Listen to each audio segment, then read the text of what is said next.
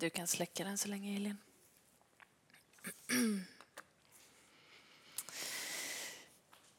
Idag är det årets sista dag. Och jag vet inte hur ni brukar funka så här i slutet av året, men jag brukar ge tid för reflektion ungefär sista veckan på året, första veckan på nya året.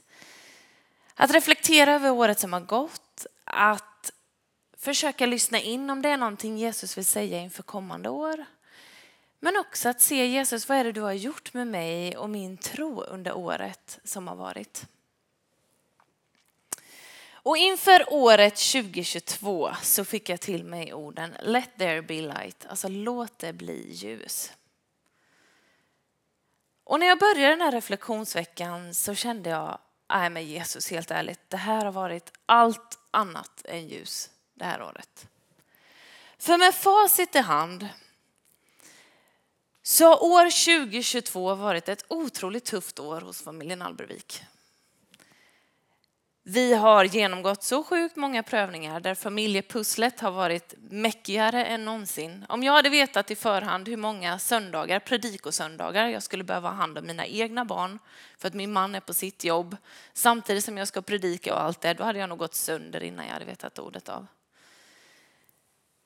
Eller om jag hade vetat att två i vår närmsta familj drabbats av akuta och allvarliga sjukdomar under året min mans bror fick en stroke i påskas. Min mans pappa har opererat hjärtat i höst på grund av att han fick en infektion på en nyopererad klaff. Om jag hade vetat de här sakerna i början av året så hade jag sagt tack och adjö 2022, jag gräver ner mig och så vaknar vi om ett år istället. Men tack käre Jesus har det gått så mycket bättre än vad vi någonsin hade kunnat ana. Där vi kan se tillfrisknande på min svåger utan dess like som nästan är helt återställd. Och på min svärfar som genomgick den här operationen och orkade det så att vi har fått fira jul ihop. Det är Guds nåd. Sen har vi varit med om mycket mer. Sjukskrivningar och i vår församling och i vår omvärld med krig som har brutit ut. Vår vänförsamling i Ukraina, det har varit en stor sorg och en chock för många.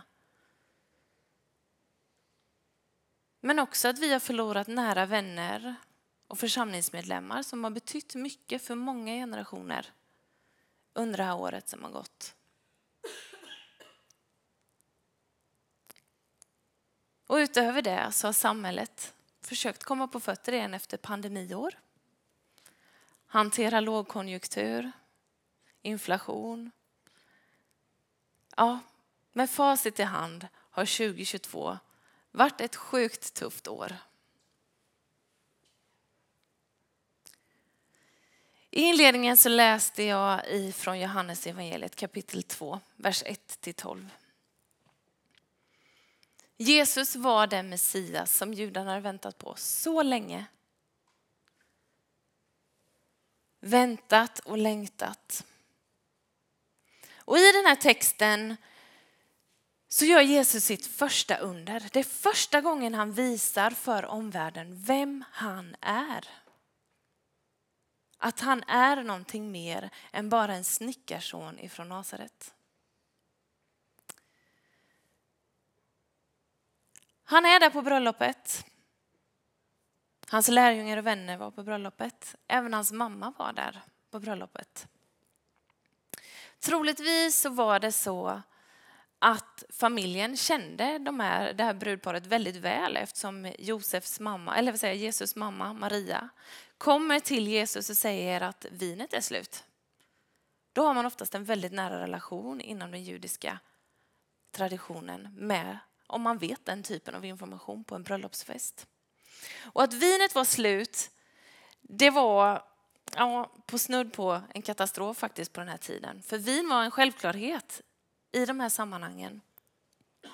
Och att inte kunna servera detta var därför ett uppenbart problem. Jesu mor Maria, hon kommer och säger detta till Jesus. Och i texten står det, kvinna min tid har inte kommit ännu. När Jesus säger det så är det inte sådär som vi lätt kanske kan läsa in mellan raderna att hörru du kvinna, var på din plats, det är inte min tid än. Det är inte det Jesus menar. Utan det Jesus menar är mer att sådär, vänta, min tid har inte kommit än. Den kommer snart men vi måste lyssna in när det är dags. För hade det varit den andra tonen så hade inte Jesus, gått, eh, Jesus mamma gått till tjänarna och uppmuntrat dem till att göra det som Jesus skulle befalla dem. Men det är precis det hon gör.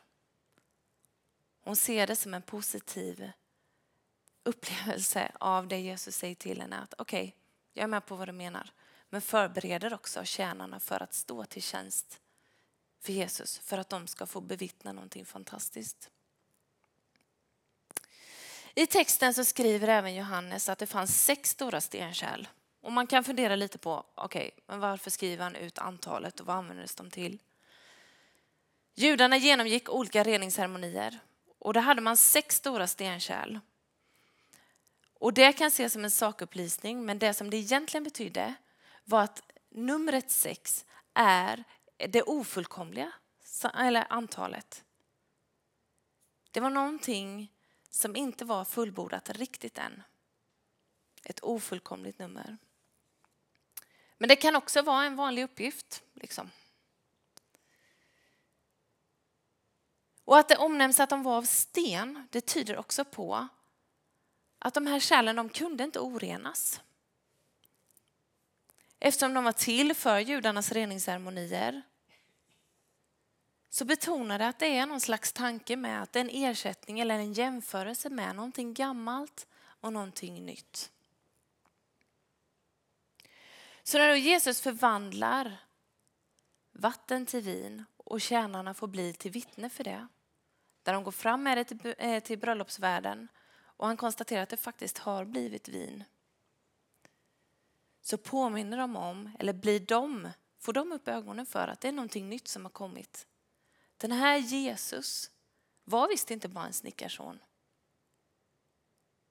Han kan göra någonting mer. Han kan förvandla saker, vatten till vin, göra att en fest kan fortsätta. Med Jesus kom någonting nytt. Så vad kan då den här texten säga till oss? Den säger som sagt att Jesus kommer med någonting nytt. Vinet blev en representant för förhållandet mellan gammalt och nytt. Man använder någonting gammalt, men det blir någonting nytt. Någonting bättre. Att Jesus kommer med det nya, han blåser liv i det som redan är och det som redan finns. Jag tänker på gamla förbundet i gamla testamentet och nya förbundet. Jesus förkastar inte gamla testamentet. Utan han gör precis det som står i gamla testamentet som var hans uppgift. Men han kommer också med någonting nytt in i det. Blåser liv i det. Till exempel, judarna var Guds utvalda folk. Genom hela gamla testamentet får vi se att Gud verkar genom judarna. Men när Jesus kom så gjorde han också att alla de som vill ta emot honom i sitt hjärta som Herre och Frälsare blir en del av Guds folket. Vi inympas i det, får bli en del av det. Det gamla finns fortfarande, men genom Jesus kommer också någonting nytt. Det andra som den här texten kan säga oss är vem Jesus är. Att Jesus är inte bara någon när det kommer ett vardagsproblem som det här kanske var. Det här var ett uppenbart problem för de som hade bröllopet. Att vinet tog slut, vad ska vi ge våra gäster? Vad ska vi, ge? Vad ska vi servera? Jesus griper in där. Så är det även i våra liv och jag tror att flera av oss kan vittna om här inne att Jesus har gjort något konkret i våra liv och fortsätter att göra det. För att han visar på vem han är. Och i slutet av verserna här så står det att det här tecknet gjordes att lärjungarna kunde tro.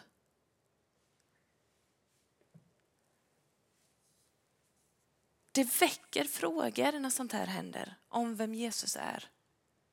Men han får också möjlighet att visa vem han är.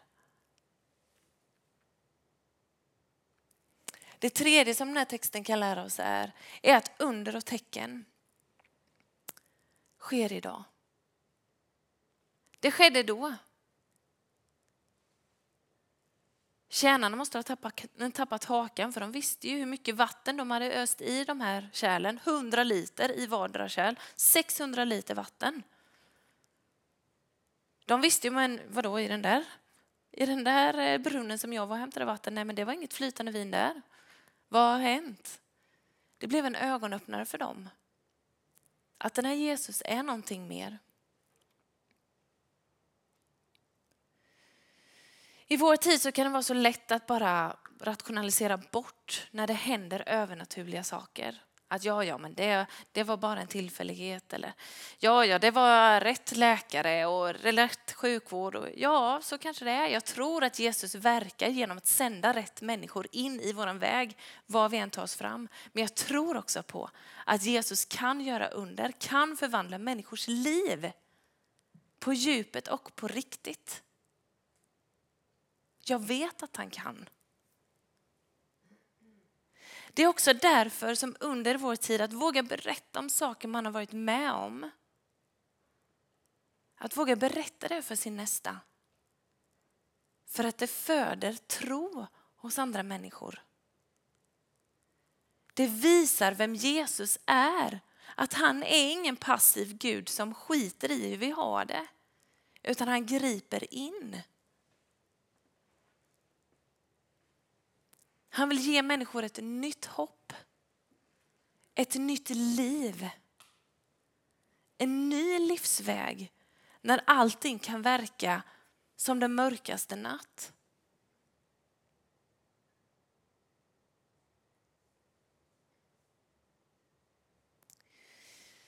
Som jag nämnde inledningsvis så var 2022 har det varit ett skittufft år för min del. Och när jag då sa till Jesus att bara i den här veckan, nej men alltså låt det bli ljus. Nej, jag har mest sett mörker faktiskt. När media rapporterar om krig och hur den här Putin beter sig ibland. Ibland, eller hur han har gjort. När människor i ens närhet far illa och inte mår bra.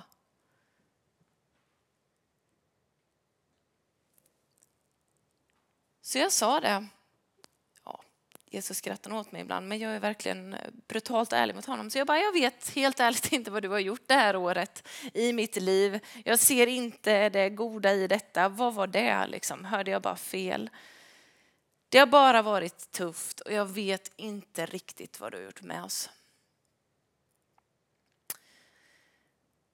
Och så scrollade jag på Instagram. Och så av en händelse så dyker en bild upp i mitt flöde. Och det är den här bilden. Och för er som inte ser den bilden så är det en bild av en människa som håller i en skylt. Och på den här skylten så står det This year I made you strong, next year I will make you happy. God står det längst ner. Och när jag läste det så klickade det i mig, den första meningen. Det andra det vet jag inte, det får vi återkomma om ett år. Men den första delen, this year I made you strong. Så bara fattade jag det är precis det du har gjort. För inte hade jag en aning om att jag skulle palla alla söndagar när mina barn har kört med bilar under dukade nattvardsbord eller när de har sprungit fram och tillbaka eller kommit upp till mig när jag stått och predikat och kittlat mig på fötterna. Alltså, inte visste jag att jag skulle klara det då. Men det gick. Inte visste jag med facit i hand att både min svåger och min svärfar skulle vara hemma till jul och må så pass bra som de gör. Men det är Guds förtjänst. Inte visste jag att efter en sjukskrivning, när jag hade känt mig som ett höstlöv som bara flög fram och tillbaka och inte visste varken ut eller in, visste inte ens vem jag var. Att jag skulle vara tillbaka här, stå här och känna bara, nej men Jesus, jag är så mycket mer djupt rotad i dig. I vad du har gjort för mig. i mitt liv under det här året.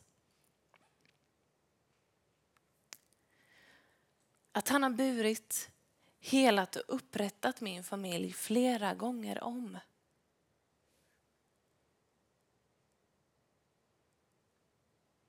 Det var som att han bara blåste liv i det på ett litet ögonblick. Genom en mening. This year I made you strong. Inte stark i mig själv, utan stark i honom. I min förtröstan på honom. I vem han är, i vad han kan göra. I att hans kors lyser ljusare än något annat på den här jorden eller vad den här världen kan erbjuda.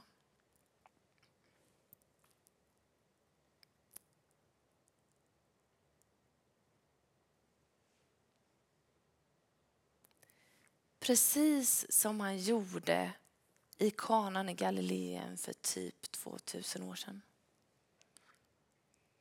Så blåste han, han gjorde någonting nytt av någonting gammalt. Han blåste liv i det som redan är.